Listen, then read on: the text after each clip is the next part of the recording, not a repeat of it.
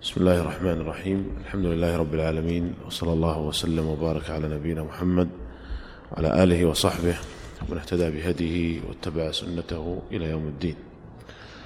اللهم لا علم لنا إلا ما علمتنا إنك أنت العليم الحكيم. اللهم علمنا ما ينفعنا وانفعنا بما علمتنا ونسألك اللهم علما نافعا ينفعنا. قبل أن أبدأ هذا الدرس أشير إلى أن آه، بعض الإخوة من خلال الأسئلة التي وردت يسألون عن المراجع لمادة هذا الدرس. الحقيقة أن أنه ليس هناك مرجع أو مراجع محددة يمكن الإحالة عليها بل مادة كل درس لها مراجع تختلف عن الدرس الآخر. ولكن أفضل مراجع هذا الدرس هي الرسائل العلمية. الرسائل العلمية رسائل الماجستير والدكتوراه بحثت جزئيات هذه الموضوعات. يعني مثلا البيع بالتقسيط فيه رسالة. تأجير منتهي بالتمليك فيه رسالة. الشركات المساهمة فيها رسالة إلى آخره. تعرفون أن الرسائل العلمية آه، تبذل فيها جهود كبيرة. إن كانت مثلا رسالة الدكتوراه يبقى الباحث فيها أربع سنوات على الأقل. أربع سنوات من عمره يمضيها في الرسالة تحت إشراف العلمي أيضا ثم يتم تقييمها علميا أيضا من قبل الآخرين وذلك ثم مناقشتها وذلك يعطيها قوة. فهذه الرسائل العلمية هي أفضل آه، الكتابات في مادة هذا الموضوع. وكذلك أيضا بحوث المجامع الفقهية فإن المجمع الفقهي عندما يبحث مسألة يستكتب بعض الباحثين وبعض ال... ويستعين ويستأنس بآراء بعض الخبراء ثم آه، تتم مناقشة ذلك الموضوع ثم يصدر القرار فيه. آه، أمر آخر طرحه بعض الإخوة وهو يعني قال لو وزع منهج أو مادة هذا الدرس ولكن يصعب مثل هذا لما ذكرت من تشتت وتفرق مادة هذا الدرس. ولكن يعني هذه المادة محفوظة على الموقع البث الإسلامي.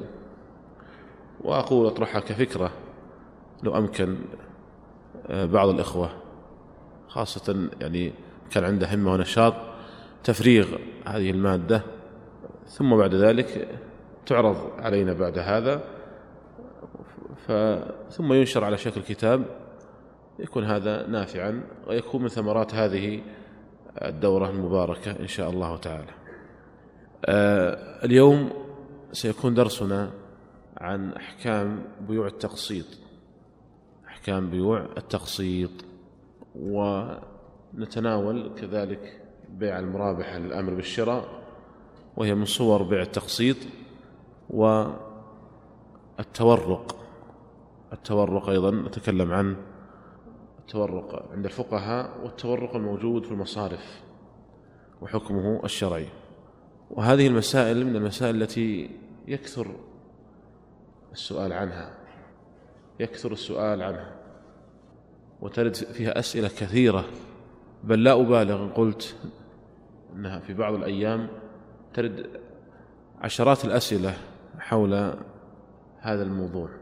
ولذلك نريد في هذا الدرس تجلية مسائله بوضوح وبيان آراء العلماء المعاصرين فيه.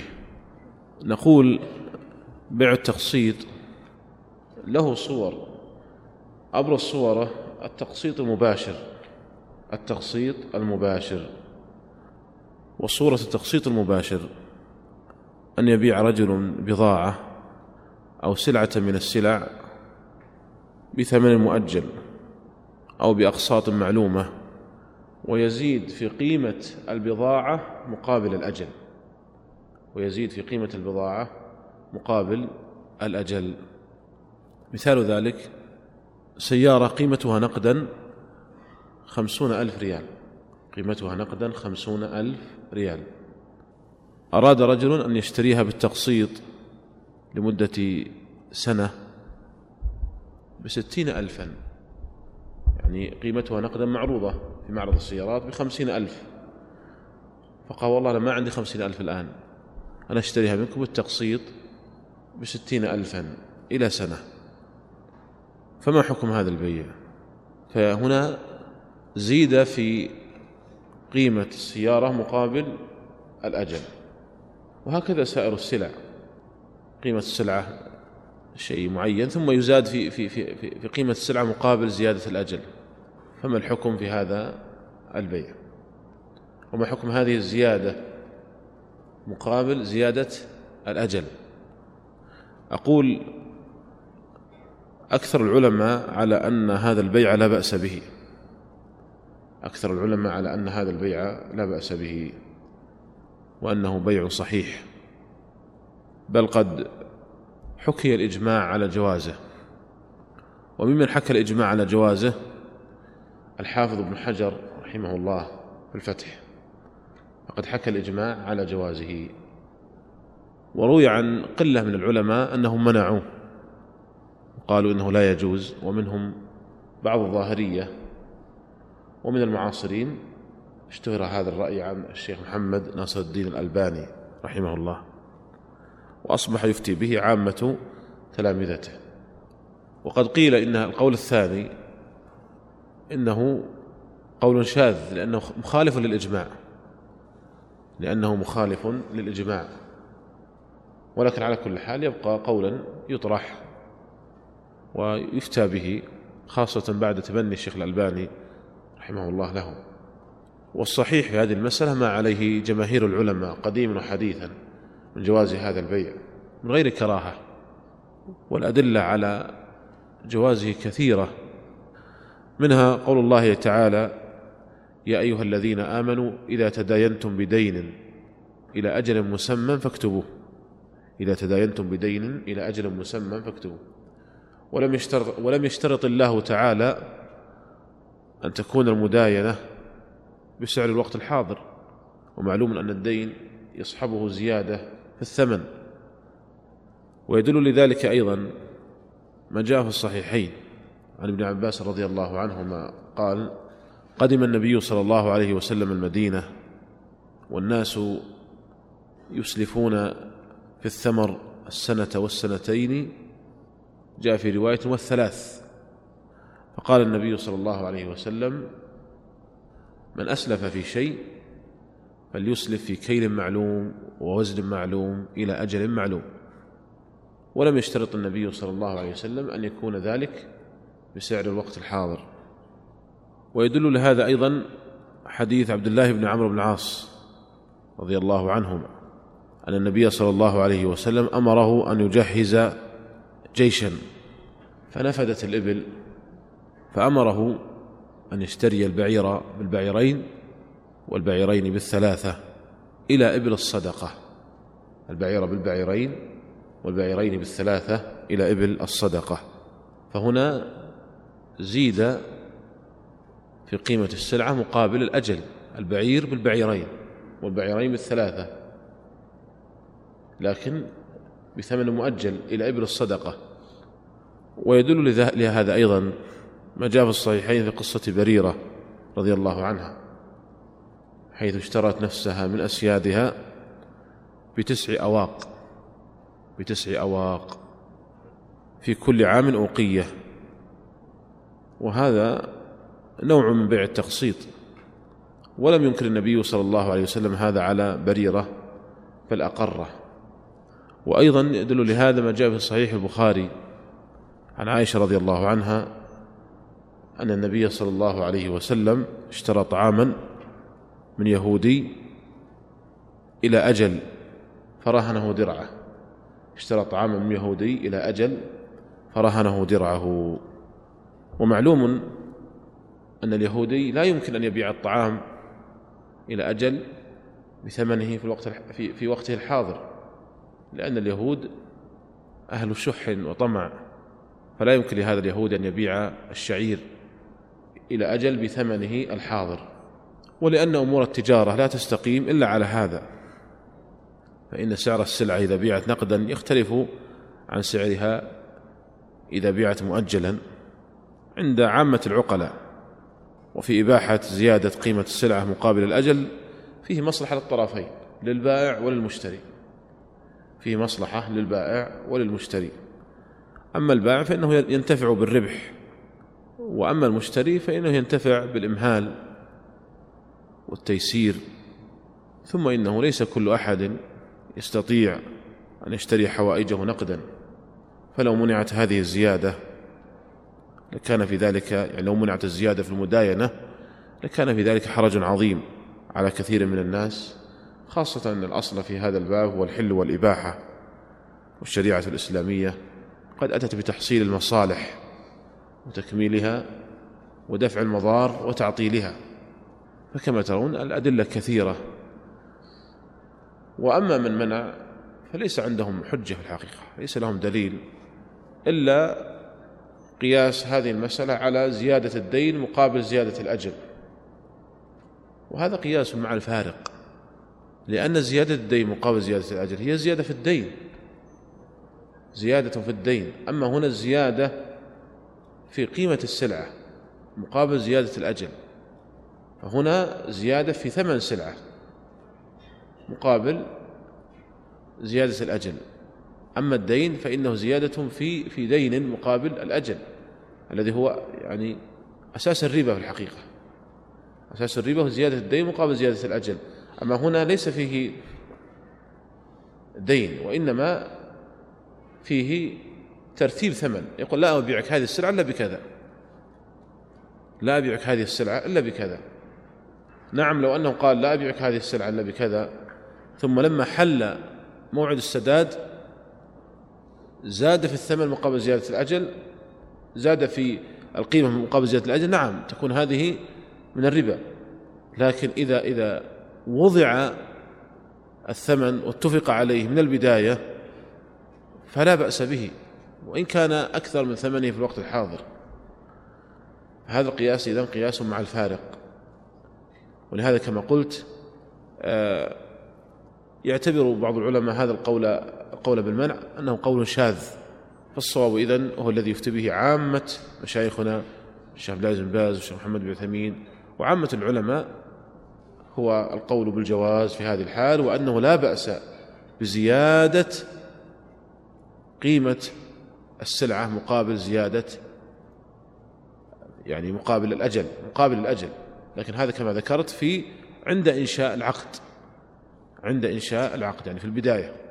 فإذا هذه الصورة التقسيط المباشر نقول أنها جائزة ولا بأس بها والحمد لله. آه، نحن وعدنا بأن نذكر المعادلة حساب نصاب الأوراق النقدية لكن بعد ما ننتهي إن شاء الله من الدرس تكون في الأخير. نقول بعد هذا من يبيع بالتقسيط ينبغي ألا يستغل حاجات إخوانه المسلمين فيزيد عليهم في الربح زيادة فاحشة. فإن هذا مكروه. وقد جاء في سنن أبي داود عن علي رضي الله عنه قال نهى النبي صلى الله عليه وسلم عن بيع المضطر. نهى النبي صلى الله عليه وسلم عن بيع المضطر. وهذا الحديث في سنده ضعف ولكن الأصول والقواعد الشرعية تؤيده. إذ أن استغلال الإنسان حاجات أخ إخوانه المسلمين ومبالغة في أخذ الربح مبالغة فاحشة فوق المعتاد فيه إضرار بإخوانه المسلمين وفيه شيء من الطمع والهلع وربما تمحق بركة ذلك البيع بسبب هذه الزيادة المبالغ فيها والتي يحصل بها الاستغلال لإخوانه المسلمين. قد قال النبي صلى الله عليه وسلم إن هذا المال خضر حلو فمن أخذه بسخاوة نفس بورك له فيه ومن أخذه بإشراف نفس يعني بتعلق وطمع لم يبارك له فيه وكان كالذي يأكل ولا يشبع. يعني انظر آه، كيف أن الإنسان إذا أخذ المال بسخاوة نفس من غير تعلق ومن غير طمع ومن غير شح يبارك له فيه. أما إذا أخذه بإشراف نفس وتعلق وطمع فإنه تنزع البركة من هذا المال. ويصبح كالذي يأكل ولا يشبع. ثم أيضا ينبغي لمن يبيع بالتقسيط أن يجعل الربح مقطوعا. أن يجعل الربح مقطوعا. فيقول مثلا أبيعك هذه السيارة بخمسين ألفا وربح خمسة آلاف أو ربح عشرة آلاف. هذا هو الأحسن والأفضل. ولا يقول أبيعك هذه السيارة على أن أربح في كل عشرة آلاف ألفا. أو يقول أبيعك هذه السيارة بنسبة ربح ثمانية في المئة مثلا. فإن هذا قد ورد عن بعض السلف كراهته وإن كان ليس محرما لكنه مكروه.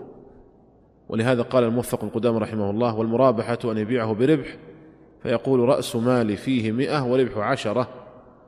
فهذا جائز ولا خلاف في صحته ولا نعلم أحدا كرهه. قال وإن قال على أن أربح في كل عشرة درهما فقد كرهه أحمد. ورويت فيه الكراهة عن ابن عمر وابن عباس رضي الله عنهما ولا يعلم لهما في الصحابة مخالف. كذلك كرهه الحسن ومسروق وعكرمة وسعيد بن جبير وعطاء بن يسار. ووجه الكراهة في هذه الحال هو شبهه ببيع دراهم بدراهم يعني شبهه بمسألة الربا. قال الإمام أحمد كأنه دراهم بدراهم. كأنه دراهم بدراهم. فيعني بعض السلف كرهوا أن تكون الزيادة بهذا الوصف. فيقول أبيعك على أن أربح في كل عشر ألفا أو يقول أبيعك كما هو عليه الآن آه، والربح نسبة ثمانية في المئة نسبة عشرة في المئة نسبة خمسة في المئة كره هذا هذا بعض السلف لأن هذا الوصف شبيه بالربا. والأحسن أن يجعل الربح مقطوعا. وإن كان مؤدى الأمرين واحدة في الحقيقة. لو قال أبيعك على أن أربع عشرة آلاف مثلا في يعني السيارة قيمتها مئة ألف قال عن أربع على أن يكون الربح عشرة آلاف أو قال عشرة في المئة مؤدى واحد. ولكن بعض السلف كره يعني عبارة آه، أن أربح في كل عشرة ألفا أو عبارة آه، أو أن يكون بالنسبة وقالوا يجعل الأفضل أن يجعل الربح مقطوعا. ولكن لو فعل هذا فإنه لا يأثم. المسألة لا تغدو أن تكون مجرد كراهة فقط ولا يعلم أن أحد قال بالتحريم وإنما المسألة فقط مجرد كراهة. ولهذا قال الوزير ابن هبيرة رحمه الله اتفقوا على أن ربح المرابحة صحيح وهو أن يقول أبيعك والربح في كل عشرة درهم وكرهه أحمد لشبهه بيع العشرة بأحد عشر لا أنه منه حقيقة وإلا حرم. هذه إذن هي صورة التقسيط المباشر وظاهر من هذا أنها بين الطرفين فقط.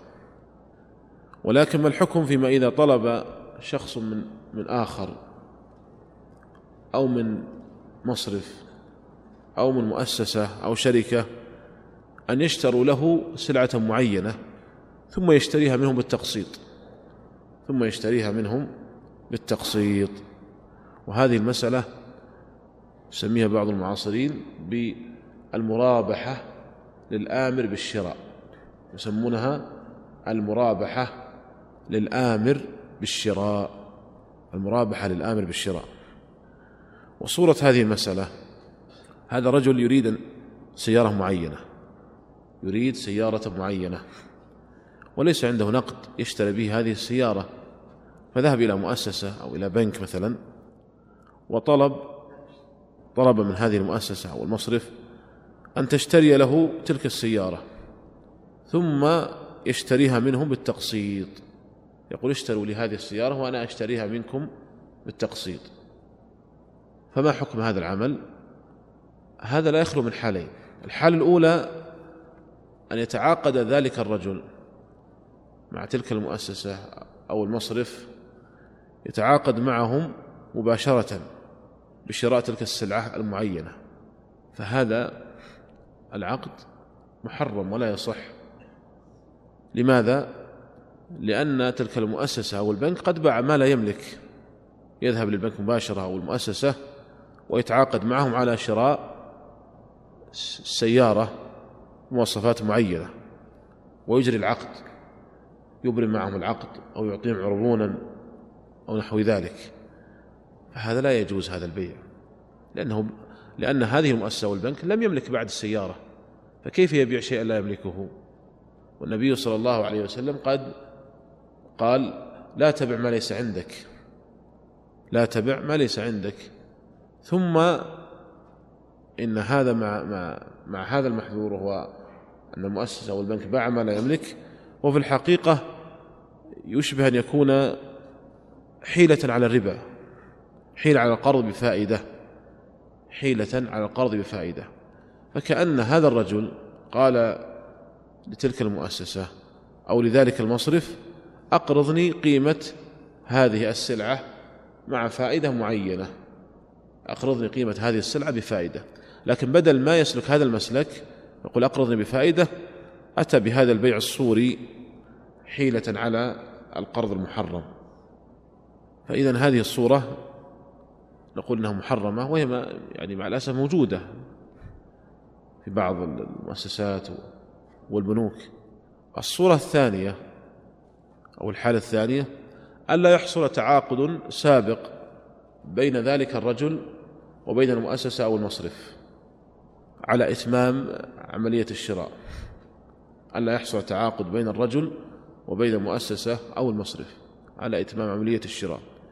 ولكن يحصل مجرد وعد يحصل مجرد وعد. من تلك المؤسسة أو المصرف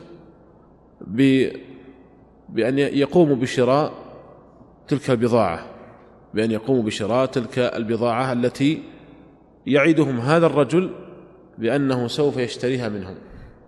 فتكون المسألة يعني مبنية على وعد غير ملزم. يأتي لهم ويقول أنا أريد أن تشتروا لي سيارة موديلها كذا نوعها كذا لونها كذا وأعدكم أنكم إذا اشتريتموها أشتريها منكم. ما الفرق بين هذه الصورة والصورة الأولى؟ الأولى هم في عقد أبرم معهم عقد. هنا ما في عقد وعد فقط. ولاحظ أنه وعد غير ملزم. يقول اشتروا لهذه السلعة وأعدكم بأنني سوف أشتريها منكم. و وهذا هذه الصورة تجوز بشرطين. تجوز بشرطين. الشرط الأول أن يكون الاتفاق المبدئي بينهما مجرد وعد بالبيع ووعد بالشراء.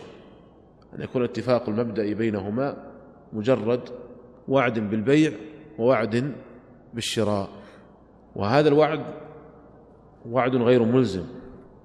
فلكل منهما يعني من المؤسسة أو المصرف وذلك الرجل لكل منهما الخيار في إتمام ذلك البيع أو عدم إتمامه.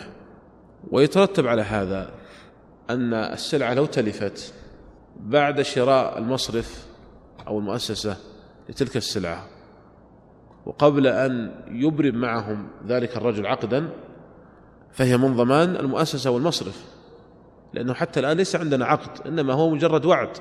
ومعلوم أن هناك فرق بين الوعد وبين العقد. فالوعد مجرد إبداء الرغبة في الشيء. أنا أرغب في هذا الشيء. وأما العقد فإنه ارتباط ارتباط منجز ملزم.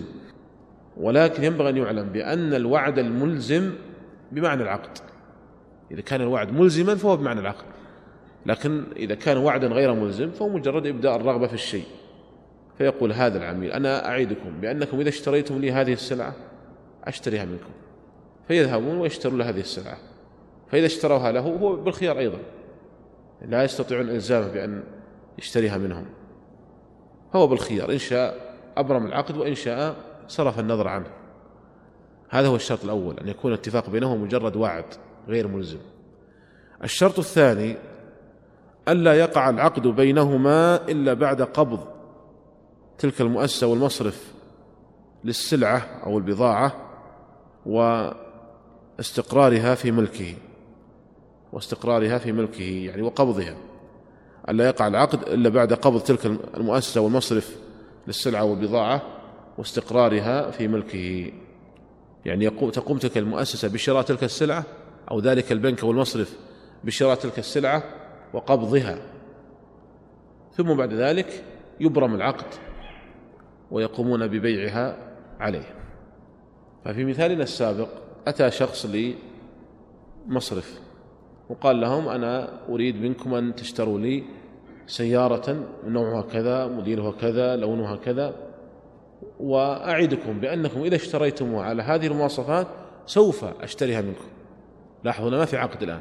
فقام المصرف مثلا أو مؤسسة أو شركة أو حتى فرد. واشتروا له هذه السيارة بهذه المواصفات.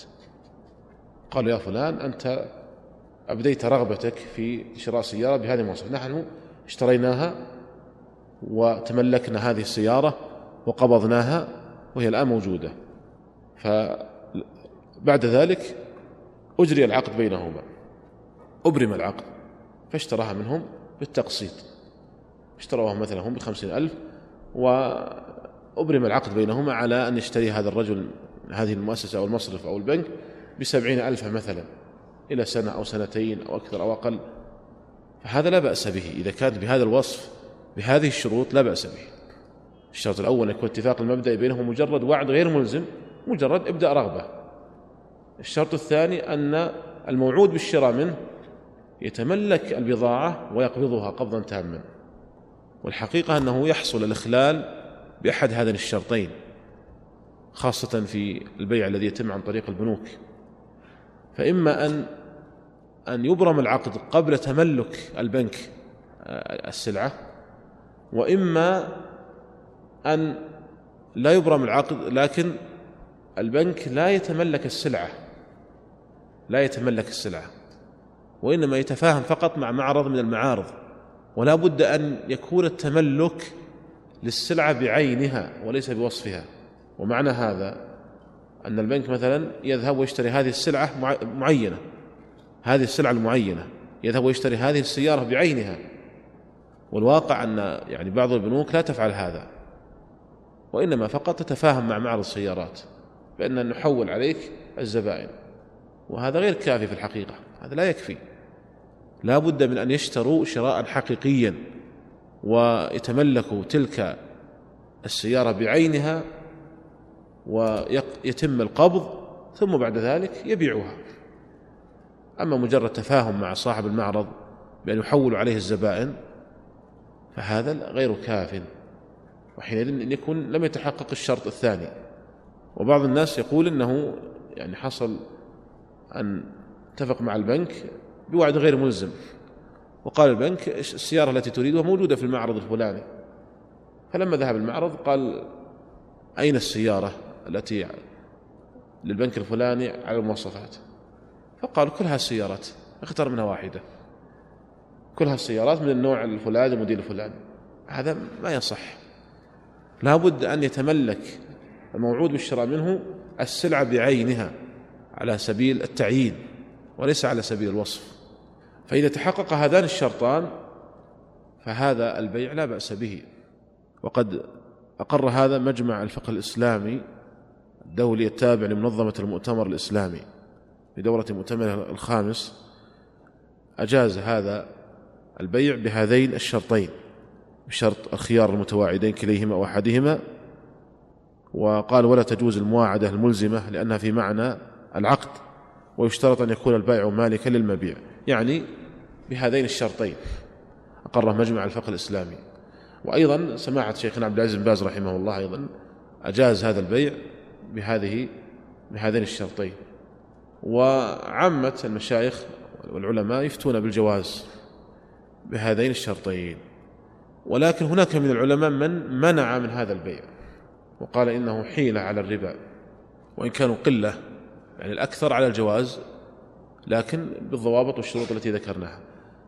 من العلماء من قال إن هذا حيلة على الربا وإنه لا يجوز. ومن أبرز من قال بهذا القول الشيخ محمد بن عثيمين رحمه الله. بل إنه يشدد في هذه المسألة ويعتبرها حيلة على الربا. ولكن عندما عند التأمل في هذا العقد نجد أنه في الحقيقة ليس فيه حيلة ليس فيه حيلة على الربا. لأن هذا الوعد هو وعد غير ملزم مجرد إبداء رغبة في هذه السلعة. وهذا الموعود بالشراء منه قد تملك السلعة وقبضها. فأين الحيلة حينئذ؟ ولكن ربما يعني أن أصحاب هذا القول رأوا توسع البنوك أو الإخلال الكبير الذي يحصل من البنوك في مثل هذه البيوعات. وهذا حقيقة خلل في التطبيق. ولا يجعلنا يعني نمنع هذا التعامل. يعني كون مثلا بعض البنوك يكون عنده خلل في التطبيق لا يجعل نمنع المسألة كلها. فالقول بأن هذا حيلة يعني هذا غير ظاهر. لو قلت لي أنا أريد سيارة بهذه المواصفات اذهب واشترها لي من السوق وأنا أشتريها منك. فذهبت واشتريتها لك من المواصفات التي تريدها. ثم أبرمنا عقدا فيما بعد. واشتريتها مني بالتقسيط لمدة سنة. فأين الحيلة في هذا؟ ليس فيه حيلة في الحقيقة. ولهذا في جاء في حديث أبي سعيد في قصة التمر البرني لما أتي النبي صلى الله عليه وسلم بتمر برني من النوع الجيد فقال أكل تمر خيبر هكذا؟ قالوا لا يا رسول الله أن نبيع الصاع من هذا بالصاعين والصاعين بالثلاثة فقال أوه هذا عين الربا. ثم أرشدهم إلى المخرج فقال ولكن بع الجمع يعني أخلاط التمر الردي بالدراهم واشتري بالدراهم جنيبا. مع أنه قد يقول القائل هذا حيل على, على, على, على الربا لأن النتيجة واحدة فإذا بعت صاعين بصاع هي نفسها إذا بعت صاعين بدراهم ثم اشتريت بالدراهم صاعا النتيجة واحدة. ومع ذلك هذا المخرج أرشد إليه النبي صلى الله عليه وسلم ولم يعتبره حيلة على الربا. ثم إن الأصل في هذا الباب الحل والإباحة ولا نمنع شيئا إلا بدليل واضح. وفي هذا التعامل توسع على الناس وإرفاق بهم. أنه ليس كل إنسان يجد من يقرضه وليس كل إنسان يستطيع أن يشتري ما يريده من الحوائج. فالأصل في هذا الحل والإباحة ولهذا الأظهر الله تعالى أعلم أن بيع المرابح الآمر بالشراء أنه جائز بهذين الشرطين. وكما ذكرت هو رأي أكثر العلماء وهو الذي قرره مجمع الفقه الإسلامي ولم يخالف في هذا إلا قلة من أهل العلم. هذا ما يتعلق ببيع المرابحة للآمر بالشراء. وهذا ليس خاصا بالسيارات يعني ينجر على جميع البضائع والسلع والدور والعقار وكل شيء. إذا تحقق فيه هذا الشرطان فلا بأس. خاصة الشرط الثاني في الحقيقة هو الذي يحصل الإخلال به هو الذي يحصل الإخلال به. الشرط الثاني يعني لا يحصل التملك والقبض. ولهذا ينبغي لمن أراد أن يتعامل بهذا التعامل أن يتأكد من تملك الموعود بالشراء منه للسلعة وقبضها. فمثلا يرسل مندوب للبنك فيشتري السيارة ويقبضها ثم يبيعها على هذا الشخص الذي وعدهم بالشراء منهم. في الإمكان أن يضع البنك مندوبا له في المعرض مثلا ويشتري السيارة ويبيعها. أما مجرد أن يعطوا هذا الشخص الذي وعدهم بالشراء تحويلا على المعرض فهذا غير كاف الحقيقة. آه ننتقل بعد ذلك لتورق. ولا بد أولا أن نعرف حقيقة بيع العينة والتورق الذي ذكره الفقهاء ثم ننتقل للتورق الموجود في المصارف.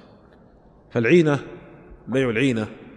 العينة مشتقة من العين والعين هو النقد الحاضر. العين هو النقد الحاضر كما قال الأزهري وغيره من أهل اللغة. وسميت بذلك لأن أحد المتبايعين يقصد بالبيع العين أي النقد لا السلعة. وصورة بيع العينة أن يبيع السلعة بثمن مؤجل ثم يشتريها بأقل منه نقدا. أن يبيع سلعة بثمن مؤجل ثم يشتريها بأقل منه نقدا. كأن يبيع سيارة بخمسين ألفا مؤجلة ثم يشتريها بأربعين ألفا حالة أو نقدا ويبقى في ذمته عشرة آلاف. فهذا في الحقيقة حيلة على الربا لأنه كأنه بيع دراهم بدراهم كأنه باع خمسين ألفا مؤجلة بأربعين ألفا نقدا لكن أدخل بينهما هذه السيارة حيلة على الربا. ولهذا فإن بيع العينة بيع محرم. قد رجح الإمام ابن القيم رحمه الله في تهذيب سنن أبي داود رجح أن المراد ببيعتين في بيعة أن المقصود به بيع العينة وأن المقصود بالنهي عن شرطين في بيع بيع العينة. نهى عن بيعتين في بيع المقصود به بيع العينة. نهى عن شرطين في بيع المقصود به بيع العينة. فبيع العينة من البيوع المحرمة ويدل لتحريمه قول النبي صلى الله عليه وسلم في حديث ابن عمر حديث المشهور إذا تبايعتم بالعينة وأخذتم أذناب البقر ورضيتم الزرع وتركتم الجهاد سلط الله عليكم ذلا لا ينزعه منكم حتى ترجعوا إلى دينكم. أخرجه أبو داود وغيره بسند جيد. ويدل أيضا لهذا حديث عائشة أو لقول عائشة رضي الله عنها لما قالت أم زيد بن أرقم يا أم المؤمنين إني بعت غلاما من زيد بن أرقم بثمانمائة درهم إلى العطاء ثم اشتريته بستمائة. وقالت عائشة بئس ما اشتريت وبئس ما بئس ما بعت وبئس ما اشتريت أبلغي زيد بن أرقم أنه قد أبطل جهاده مع رسول الله صلى الله عليه وسلم إلا أن يتوب. رواه أحمد. وقال الموفق بن قدامة الظاهر وأن عائشة لا تقول مثل هذا التغليظ ولا تقدم عليه إلا بتوقيف من النبي صلى الله عليه وسلم. فجرى ذلك مجرى روايتها له. ولأن بيع العينة ذريعة للربا الحقيقة. ذريعة للربا. فهو ذريعة لأن يدخل السلعة ويستبيح بيع المؤجل بالنقد وبالحاضر ولهذا قال ابن عباس أرى مئة بخمسين بينهما حريرة.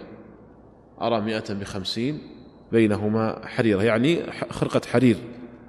فإذا بيع العينة من البيوع المحرمة وهو بمعنى البيعتين في بيعة وبمعنى الصفقتين في صفقة وبمعنى الشرطين في بيع كل هذا بمعنى بيع العينة. وأما مسألة التورق فصورتها أن يشتري سلعة بثمن مؤجل ثم يبيعها على طرف ثالث نقدا. لاحظ هنا التورق أنها بين ثلاث أطراف. يشتري سلعة بثمن مؤجل ثم يبيعها على طرف ثالث نقدا. مثال ذلك احتجت لنقد لسيولة لأي غرض من الأغراض لزواج أو لأي غرض. فذهبت إلى مؤسسة تبيع بالتقسيط أو معرض يبيع بالتقسيط أو شخص يبيع سيارات بالتقسيط اشتريت منهم سيارة بالتقسيط بمئة ألف ريال ثم أخذت هذه السيارة وعرضتها في معرض السيارات فسيمت منك بثمانين ألف نقدا هذا لا. هذه مسألة التورق فلاحظ هنا أنه بين ثلاث أطراف بين البائع الأول الذي باعها بالتقسيط ثم المشتري الذي اشتراها بالتقسيط ثم المشتري الثاني الذي اشتراها نقدا. هي بين ثلاثة أطراف بينما العينة بين طرفين. يبيع بثمن مؤجل ثم يشتريه بأقل منه نقدا. التورق بين ثلاثة أطراف يبيعها بثمن مؤجل ثم إن المشتري يبيعها على طرف آخر غير البائع الأول نقدا. وغرضه من هذا الحصول على النقد. قد اختلف العلماء في حكم مسألة التورق والصحيح أنها جائزة ولا بأس بها. صحيح أنها جائزة ولا بأس بها وهذا هو المشهور مذهب الحنابلة وهو الذي يفتي به عامة مشايخنا وعامة علماء هذه البلاد أنها لا بأس بها لأن العقدين منفصلان. فأنت عندما تشتري سلعة بثمن مؤجل هذا عقد. عندما تبيعه على طرف ثالث نقدا عقد آخر مستقل فهذا عقد مستقل وذاك عقد مستقل ولا آه، ترابط بينهما أو تلازم بينهما. والأصل في المعاملات الحل والإباحة. والأصل في المعاملات الحل والإباحة. إذا مسألة التورق نقول أنها جائزة ولا بأس بها وفيها توسع على الناس وإرفاق بهم. ولكن البنوك في الوقت الحاضر لما أخذت بالتورق لو أن أخذت بالتورق الذي ذكره الفقهاء لم يكن في ذلك بأس. هذا لا إشكال فيه. ولكن البنوك توسعت في التورق وبالغت في هذا التوسع. فحتى أصبح يأتيهم العميل مجرد أنه يوقع على أوراق يوقع على شراء سلعة منهم بالتقسيط ثم يوقع توقيعا آخر على أن يوكلهم في بيعه على طرف ثالث يثبت في ذمته مبلغ وبعد ساعة أو سويعات ينزل في رصيده ما أراد. يقول فقط هذه أوراق وقع عليها كم تريد؟ قال أريد مئة ألف. وقع على هذه الأوراق وتجدها بعد ساعة ينزل في رصيدك مئة ألف. ويثبت في ذمتك مئة وثلاثون. هذا هو التورق المصرفي. فهم صورة التورق في الأساس جائزة كما ذكرنا. لكن هذا التوسع يعني فيه إشكال. يقوم البنك بجميع العمليات. هو هو البائع هو الذي يبيع عليك السلعة بالتقسيط. ثم يتوكل في بيع على طرف ثالث. هو الذي يقوم ببيع على طرف ثالث. ويسلم لك النقد. يقوم بجميع العمليات. فأنت فقط تأتي وتوقع الأوراق. وتجد وينزل في رصيدك ما أردت. كم تريد؟ مئة ألف مئتي ألف. ينزل في رصيدك بعد ساعة يمكن. أو سويعات. ويثبت في ذمتك أكثر من هذا المبلغ. وهذا التوسع بالحقيقة يعني فيه إشكال. يعني هم أخذوا كلام العلماء لكن توسعوا فيه. و ولهذا بحث مجمع الفقه الإسلامي تابع لرابطة العالم الإسلامي هذا هذه المسألة وهذا التوسع الحاصل من البنوك. بحثوا هذا العام الماضي في شهر شوال في مكة المكرمة. واستكتب باحثون وجرى النقاش حول هذا التوسع الحاصل من البنوك. ثم صدر قرار بعدم جواز التورق المصرفي الموجود في البنوك بهذا الوصف وذلك لأن هذا التوسع جعله في الحقيقة شبيها بالعينة وإن لم تنطبق عليه صورة العينة إلا أنه شبيه بالعينة. و وهذا التوسع في التورق أكثر ما يكون في السلع الدولية كالمعادن مثلا كالمعادن. فيأتي العميل للبنك ويقول أنا والله أريد أحصل على مبلغ على سيولة. يقول عندنا معادن دولية ونحن نبيعها عليك بتقسيط وتوكلنا في بيعها على طرف ثالث. ومجرد أنه يوقع الأوراق ينزل في رصيده ما أراد.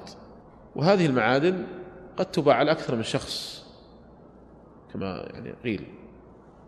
لأنهم يعني لا لا ينضبط بيعها الحقيقة فيها إشكالات كثيرة وربما لا يتحقق القبض المطلوب وقد تباع على أكثر من شخص. وأحد الإخوة يقول إني ذهبت لأحد البنوك قلت لهم إني أريد أن أشتري منكم حديدا لكن بشرط إذا اشتريت منكم الحديد تسلمونه لي. يقول رفضوا قالوا لا أبدا. طيب أنا أشتري منكم حديد إذا كنتم صادقين أنتم الآن بعتوا علي الحديد أنا لا أريد أن أوكلكم. أنا أريد أن تسلموه لي. يقول أنا أريد أن أختبرهم بهذا. يقول رفضوا قالوا أنت مجبر على التوكيل. شئت أم أبيت؟ أنت مجبر. قلت كيف تجبرون على التوكيل؟ قالوا هذا نظام البنك. وبعض الناس يقولون ذهب البنك وأحيانا يكون الموظف يعني عنده شيء من الذكاء يقول أبدا إذا أردت المعادن نحن نسلمها لك. إذا رأى أنك غير جاد لكن لو رأى أنك جاد في طلب المعادن سوف يكون له موقف آخر. لن يعرف أنك لن تطلب المعادن ولن تكون جادا في هذا الطلب. فالمسألة أصبحت كأنها صورية الحقيقة. يعني لم لم أعرف يعني أن شخصا قال آه، يعني اشترى منهم معادن وأحضرت له هذه المعادن. إلى يوم هذا لم أجد رجلا اشترى منهم معادن وأحضرت له. فجميع من يشتري منهم يوكلهم على بيع على طرف ثالث. ولهذا كما ذكرت هذا فيه إشكال. وصدر قرار المجمع الفقهي وهو مجمع الرابطة. ولكن هذا القرار الحقيقة لم يبرز إعلاميا. لذلك ربما أن كثير من الناس لم يسمعوا بهذا القرار. لم يبرز ولم ينشر في الصحف. ونشر في مجلة المجمع. وفي بعض المواقع على الإنترنت لكن الحقيقة لم يبرز مع أهميته. وأنقل لكم في فيما يأتي نص هذا القرار. بعد الحمد لله وحده والصلاة والسلام على رسول الله وعلى آله وصحبه. أما بعد فإن مجلس المجمع الفقهي برابطة العالم الإسلامي في دورته السابعة عشر المنعقدة في مكة في التاسع عشر إلى الثالث وعشرين من شهر شوال نظر في موضوع التورق كما تجريه المصارف وبعد الاستماع إلى الأبحاث المقدمة والمناقشات التي دارت حوله تبين المجلس أن التورق الذي تجريه بعض المصارف في الوقت الحاضر هو قيام المصرف بعمل نمطي يتم فيه ترتيب بيع سلع ليست من الذهب أو الفضة من أسواق السلع العالمية أو غيرها. الغالب أنها, محا... أنها آه، حديد أو معادن. على المستورق بثمن آجل على أن يلتزم المصرف إما بشرط في العقد أو بحكم العرف والعادة بأن ينوب عنه في بيعها على مشتر آخر بثمن حاضر وتسليم ثمنها للمستورق. وبعد النظر والدراسة قرر مجلس المجمع ما يلي أولا عدم جواز التورق الذي سبق توصيفه في التمهيد الأمور الآتية. واحد أن التزام البائع في عقد التورق بالوكالة في بيع السلعة لمشتر آخر أو ترتيب من يشتريها يجعلها شبيهة بالعينة الممنوعة شرعا. شبيهة بالعينة. وإن كانت صورة العينة لا تنطبق عليها لكنها شبيهة بالعينة. سواء كان الالتزام مشروطا صراحة أو بحكم العرف والعادة المتبعة. يعني حتى لو لم يكن منصوص عليه صراحة أنك توكل البنك لو كان هذا متعارف عليه فالمعروف عرفا كالمشروط شرطا. اثنان أن هذه المعاملة تؤدي في كثير من الحالات إلى الإخلال بشروط القبض الشرعي اللازم لصحة هذه المعاملة. أيضا لا يتحقق معها القبض. ثالثا أن واقع هذه المعاملة يقوم على منح تمويل نقدي بزيادة آه، لما سمى المستورق فيها من المصرف في معاملة البيع والشراء التي تجري منه والتي هي صورية في معظم أحوالها. يعني كل هذه كل هذا التعامل صوري في الحقيقة. مجرد أنك تأتي وتوقع الأوراق وينزل في ينزل لك في رصيدك ما أردت. وهذه العملية البيع والشراء والتوكيل في الحقيقة هي صورية. ولذا قلت لكم لا أعرف أن رجلا حتى الآن اشترى منهم معادن وسلمت له تلك المعادن. هدف البنك من إجرائها أن تعود عليه بزيادة على ما قدم من تمويل وهذه المعاملة غير التورق الحقيقي المعروف عند الفقهاء والذي سبق المجمع أن آه، قال بجوازه. وذلك لما بينهما من فروق عديدة. فصلت القول فيها في البحوث المقدمة فالتورق الحقيقي يقوم على شراء حقيقي لسلعة بثمن آجل تدخل في ملك المشتري ويقبضها قبضا حقيقيا وتقع في ضمانة ثم يقوم بيعها هو بثمن حال لحاجته إليه وقد يتمكن في الحصول عليه وقد لا يتمكن. والفرق بين الثمنين الآجل والحال لا يدخل في ملك المصرف الذي طرأ على المعاملة لغرض آه، تسويغ الحصول على زيادة إلى آخره. وثاني ثانيا يوصي المجمع جميع المصارف بتجنب المعاملات المحرمة امتثال لأمر الله تعالى. آه، كما ذكرت هذا القرار يا إخوان يعني قرار مهم في هذا الباب وقد تراجعت بعض الهيئات الشرعية بعد صدور القرار. تراجعوا عن التعاملات السابقة ولا زالت بعض البنوك تبرز للعملاء فتاواهم القديمة والسابقة فينبغي التنبؤ لهذا. يعني أحد المشايخ البارزين الذي كان يفتي بهذا التورق بعد صدور القرار تراجع. وبعض البنوك حولت وغيرت من صيغه هذا التورق وقصرته على السلع المحلية. فكان في شيء من المراجعات الحقيقة من بعض البنوك للعمليات التي كانت يعني موجودة عندها. فلكن التورق بالتوصيف الذي ذكر لا شك أنه آه، لا يجوز وأنه في الحقيقة هذا تعامل صوري فقط والغرض منه آه، الحصول على السيولة آه، فكأنه بيع نقد بنقد مع آه، التفاضل. كأنه بيع كأنه بدل ما يقول بعني مئة ألف بمئة وثلاثين ألفا مؤجلة أتى بهذا التعامل الصوري. ولهذا ينبغي التنبه والتنبيه على هذا. ينبغي التنبه والتنبيه على مثل هذه المسألة. وكما ذكرت لكم يعني قرارات المجمع هي في الحقيقة مهمة في هذا لأنها تمثل لأن هذه المجامع تمثل علماء العالم الإسلامي ليس فقط علماء المملكة وإنما علماء العالم الإسلامي. ونكتفي بهذا القدر ونشرح ما كنا قد وعدنا به. آه، نحن ذكرنا بالأمس نصاب الأوراق النقدية وقلنا إن نصاب الأوراق النقدية هو أقل نصابين الذهب أو الفضة. الوقت الحاضر آه، الفضة أرخص بكثير من الذهب. أرخص بكثير من الذهب. فيكون نصاب الأوراق النقدية في الوقت الحاضر هو نصاب الفضة. ونصاب الفضة هو 595 جرام. معنى ذلك نسأل كم سعر الجرام؟ ثم نضربه في 595 يخرج لنا نصاب الأوراق النقدية. ولكن الفضة التعامل بها ليس شائعا. وإنما يتعامل بها محلات معينة. ولهذا ربما لو سألت كثير من محلات الذهب ما يعرف سعر الفضة ولا يعطيك سعر الفضة بالجرام. كم سعر الجرام الفضة؟ ما يعطيك.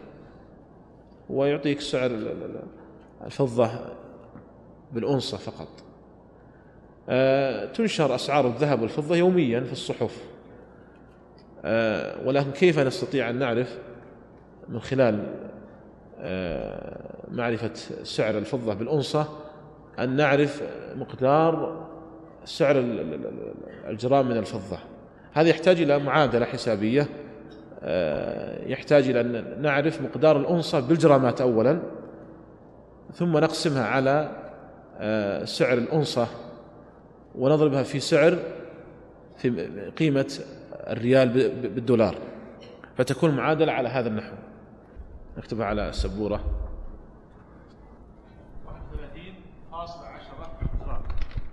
31.10 جرام فتكون المعادلة على هذا النحو الأنصة تساوي 31.10 فتكون المعادلة على هذا النحو سعر الأنصة اللي هو الموجود في الصحف اللي هو الرقم الموجود في الصحف. الرقم المدون على 31.10 وهذا ثابت. هذا الرقم ثابت. في 3.75 وهذا الرقم ثابت. لأن سعر الدولار بالريال 3.75 النتيجة الناتج نضربه في 595 الذي هو نصاب الفضة. نصاب الفضة. والناتج النتيجة هي آه، نصاب الأوراق النقدية. نصاب الأوراق النقدية. طيب نريد نطبق هذا. آه، سعر الأنصة كان قبل أمس 7.29 الأيام هذه الفضة مرتفعة مرتفعة بينما كان قبل يمكن سنة أو سنتين كانت منخفضة. فلذلك سوف يرتفع نصاب الأوراق النقدية. سعر الأنصة الذي المدون الموجود الآن في الصحف في غيرها والمعلن عنه هو 7.29 على 31.10 31.10 هذا رقم ثابت. 31.10 رقم ثابت. في 3.75 هذا أيضا رقم ثابت. طيب نطلع النتيجة الآن اللي مع آلة حاسبة. يضرب لنا الآن 7.29 في 3.75 ويقسم النتيجة على 31.10 فاصلة 88 أحسن. 88 بالتقريب بعد التقريب. فاصلة 88 طيب. فاصلة 88 هذا هو سعر الجرام من الفضة. فاصل 88 هذا سعر الجرام من الفضة. يعني سعر الجرام من الفضة ما وصل حتى ريال واحد. بل 88 هذا لا نضرب هذا فاصل 88 في 595 ها طلع لنا اللي طلع نتيجة قبل شوي. 523 فاصلة كم؟ تأكد؟ ستة. أضرب فاصلة 88 في 595 كم؟ 523 فاصلة ستة. طيب على كل حال نقول 523 تقريبا. 523 تقريبا. يكون هذا الآن 523 ريال. 523 ريال. هذا هو نصاب الأوراق النقدية هذه الأيام. معنى ذلك من ملك 500 ريال وحال عليها سنة حال عليها الحول ما فيها زكاة. فيكون نصاب الأوراق النقدية الآن هو 523 ريال. 523 ريال. لكن قبل سنتين كان سعر الأنصة من من الفضة كان 4.44 وحسبنا آه، نصاب الأوراق النقدية فكان 316 فنستطيع أن نقول باختصار أن آه، نصاب الأوراق النقدية تراوح ما بين 300 إلى 500 تقريبا. لكن الأيام هذه سعر الفضة مرتفع ف يكون نصاب الأوراق النقدية هنا يعني 523 ريالا 523 ريالا. آه، إذا أردت أن تعرف نصاب الأوراق النقدية على مدار العام هذا الرقم ثابت وهذا الرقم ثابت وهذا ثابت. فقط الرقم المتغير هو هذا اللي هو 7.29 هذا هو الرقم المتغير. هذا تأخذه موجود في الصحف يوميا ينشر. 7.29 هذا هو المتغير. فأنت اكتب المعادلة عندك وهذا هو المتغير والنتيجة طبعا سوف تتغير وأيضا 595 ثابت. فاضبط عندك هذه المعادلة وخذ هذا الرقم هو المتغير. وبذلك تستطيع معرفة نصاب الأوراق النقدية يوميا. نعم. 595 هذه هذا هو نصاب الفضة. نصاب الفضة اللي هو 100 درهم تعادل 595 جرام. فهذه الأرقام كلها ثابتة. 31.10 3.75 595 هذه كلها ثابتة. الذي يتغير هو فقط آه، سعر الأنصة آه، من الفضة. هذا يتغير يعني من حين لآخر.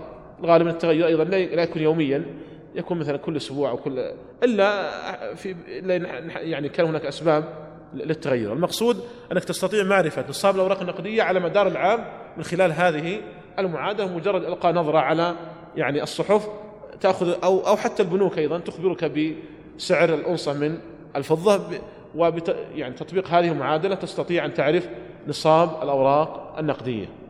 وبهذا نعرف أيها الأخوة أن يعني 530 ريال فيها زكاة الآن. وربما أيضا إذا قل النصاب تكون 500 نفسها فيها زكاة. كما مثلت لكم أن قبل سنتين كان النصاب 316 بعض الناس يكون عنده شيء من هالمبلغ. ولا يزكيه يعني تكون مثلا عنده يكون عنده ألف ريال يحول عليه الحول ولا يزكي ظنا منه أنه دون النصاب. وهذا ليس بصحيح. فعرفنا إذا مقدار نصاب الأوراق النقدية وبهذا نعرف أنه ليس ثابتا بل متغيرا بل متغير. لكن آه، إذا ضبطت هذه المعادلة تستطيع معرفة نصاب الأوراق النقدية على مدار العام. أحسن الله إليكم. قبل عرض الأسئلة يعني ذكر الشيخ حفظه الله يعني تفريغ هذه الدروس فأقول قد كفيتم ذلك ففي موقع الجامع بعد ثلاثة أشهر إن شاء الله من نهاية الدورة ستفرغ ليس فقط درس الشيخ سعد وإنما جميع الدروس تكون مفرغة نصيا وصوتيا على موقع الجامع وهو موقع الجامع عندكم على الكتب التي أمامكم. فبعد ثلاثة أشهر إن شاء الله ستجدون جميع المتون سواء الدورة هذه أو التي قبلها أو أو حتى ما قبلها من الدورات. يعني لو دخلت الموقع الآن ستجد دروس الدورة الحادية عشر مفرغة نصيا وصوتيا على موقع الجامع. مخرجة الأحاديث معزوة الآيات. فدرس الشيخ وغيره من الدروس. ستكون إن شاء الله منزلة نصيا وصوتيا. أما بالنسبة صوتيا فإنه بعد نهاية الدرس بعشر دقائق.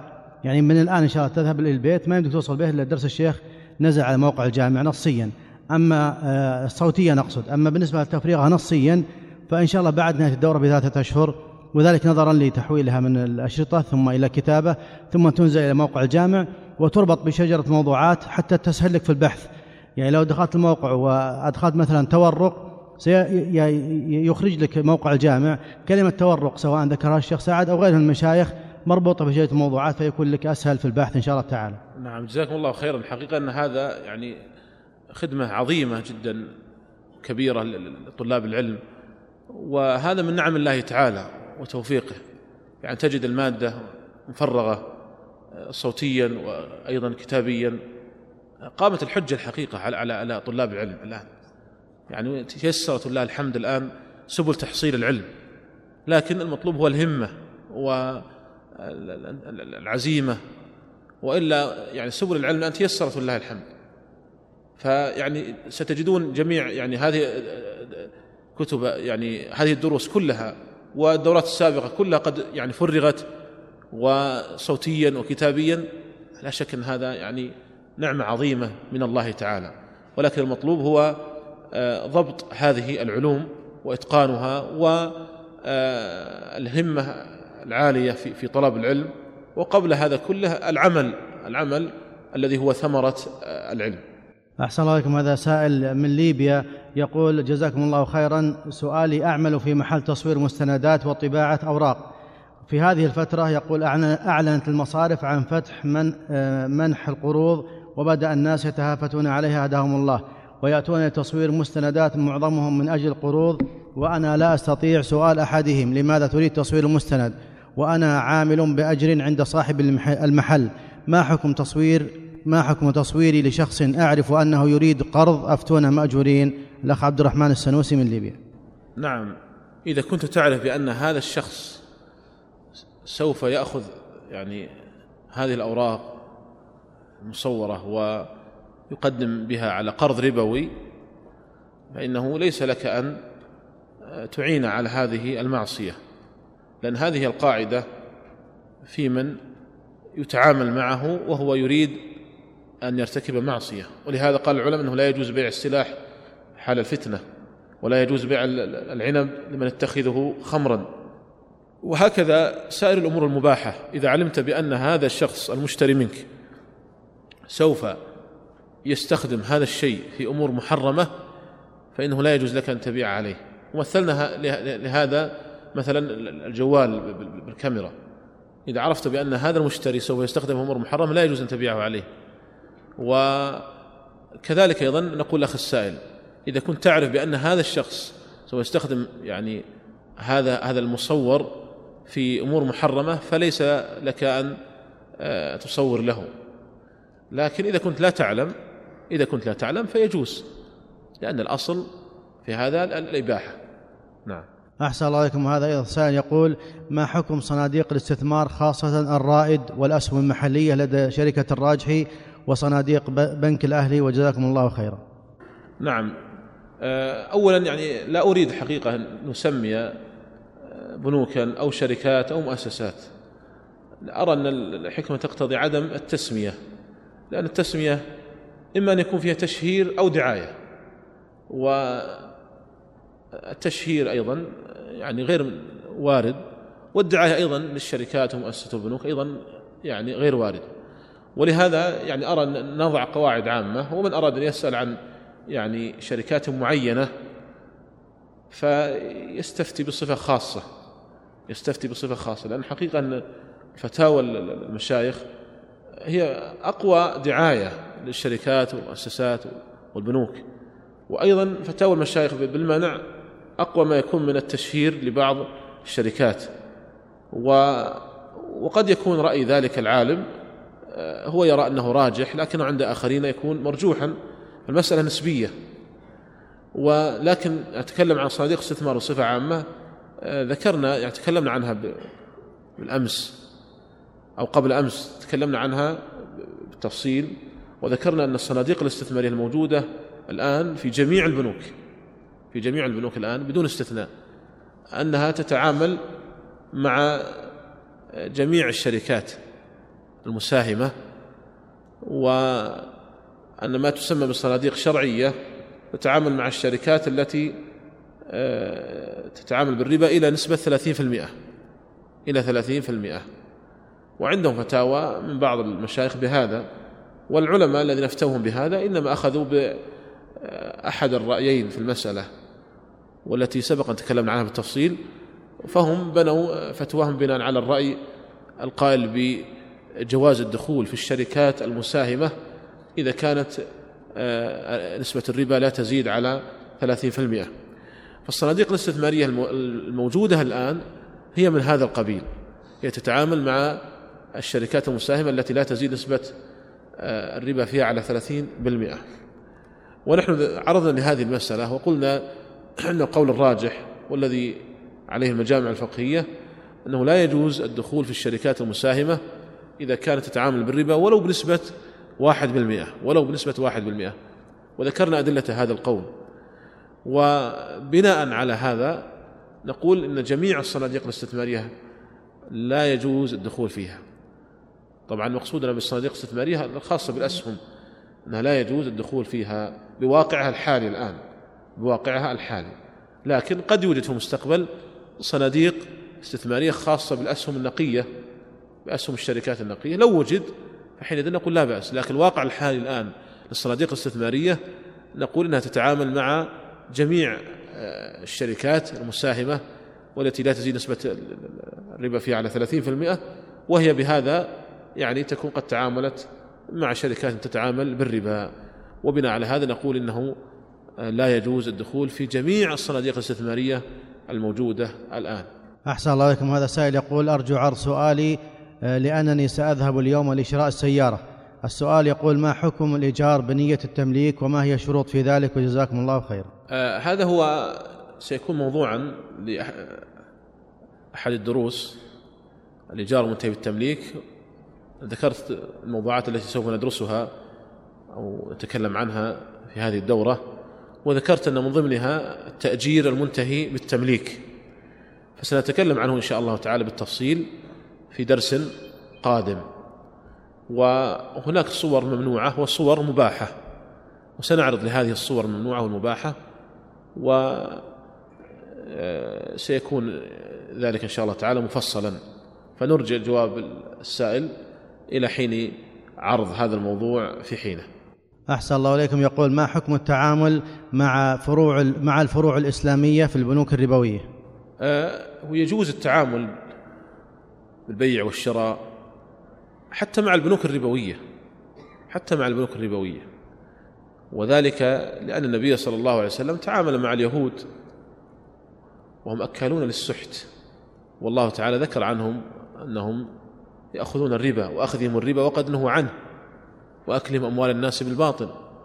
ومع ذلك تعامل معهم النبي صلى الله عليه وسلم وتوفي ودرعه مرهون عند يهودي بشعير اشتراه لأهله وقبل دعوتهم لما دعوه لوليمة. و فإذا تعامل معهم النبي صلى الله عليه وسلم. كونك تتعامل مع بنك ربوي بشراء ونحوه لا بأس به لا بأس به ولا حرج في ذلك لأن يعني المسلم المرابي لن يكون أسوأ من اليهودي واليهود هم أكلوا السحت وهم أكلة الربا ومع ذلك تعامل معهم النبي صلى الله عليه وسلم. فإذا يجوز التعامل مع البنوك الربوية في آه، شراء السلع ونحوها. لو أردت أن تشتري عن طريقهم سيارة مثلا أو عقارا أو أي شيء فهذا لا بأس به ولا حرج في ذلك. ولكن الإشكال هو في فتح الحسابات الجارية في البنوك الربوية. هذا هو الإشكال لأن هذا هو أقوى داعم للبنوك. بل عمدة البنوك على هذه الحسابات الجارية التي هي في حقيقتها قروض وليست ودائع ويسمىها الناس ودائع هذا هو الذي يعني العلماء يعني تكلموا فيه. و أما سؤال الأخ السائل عن الفروع الإسلامية نقول سواء كانت فروع إسلامية أو حتى البنك الربوي التقليدي يجوز أن تشتري عن طريقه ولا حرج في ذلك. لكن الإشكال إنما هو في فتح الحساب الجاري لدى البنك الربوي. أحسن الله إليكم. يقول أوردتم مسألة السلم دليلا على جواز بيع التقسيط فما وجه ذلك؟ السلم هو عقد على موصوم في الذمة مؤجل بثمن مقبوض في مجلس العقد. آه، صورة السلم آه، أعطيك عشرة آلاف ريال الآن على أن تسلم لي مثلا مئة كيلو تمر من نوع كذا تسلمها لي في وقت كذا. ويستفيد كل من المسلم والمسلم إليه. فأحدهما يستفيد بالانتفاع برأس المال بهذه العشرة آلاف والآخر يستفيد بالرخص لأن قيمة مثلا مئة كيلو تمر تكون أكثر من عشرة آلاف لكن باعتبار أنه قدم له رأس المال كان هناك يعني شيء من تخفيض الثمن فكل منهما ينتفع بهذا. فهنا السلم فيه دين فيه دين وهذا الدين فيه زيادة فيه زيادة. فمثلا في مثالنا السابق نحن قلنا إن السلم يتبعه في الغالب تخفيض للمسلم. فعندما تكون مثلا مئة كيلو تمر سعرها لو بيعت في وقتها اثنا عشر ألفا. لكن إذا بيعت عن طريق السلام تكون بعشرة آلاف. فهذا المسلم الذي قدم عشرة آلاف استفاد زيادة في آه، التمر لأنه لو اشترى التمر مئة كيلو تمر في حينها لكان قيمتها اثنا عشر ألفا. فهو انتفع يعني بهذه الزيادة. فهنا وجدت زيادة مقابل زيادة الأجل. وجدت زيادة مقابل الأجل. فهذا هو وجه الاستدلال بالسلم على جواز زيادة قيمة السلعة مقابل تأجيل الثمن. أحسن الله إليكم وأثابكم ونفعنا بعلمكم وصلى الله على نبينا محمد وعلى آله وصحبه أجمعين.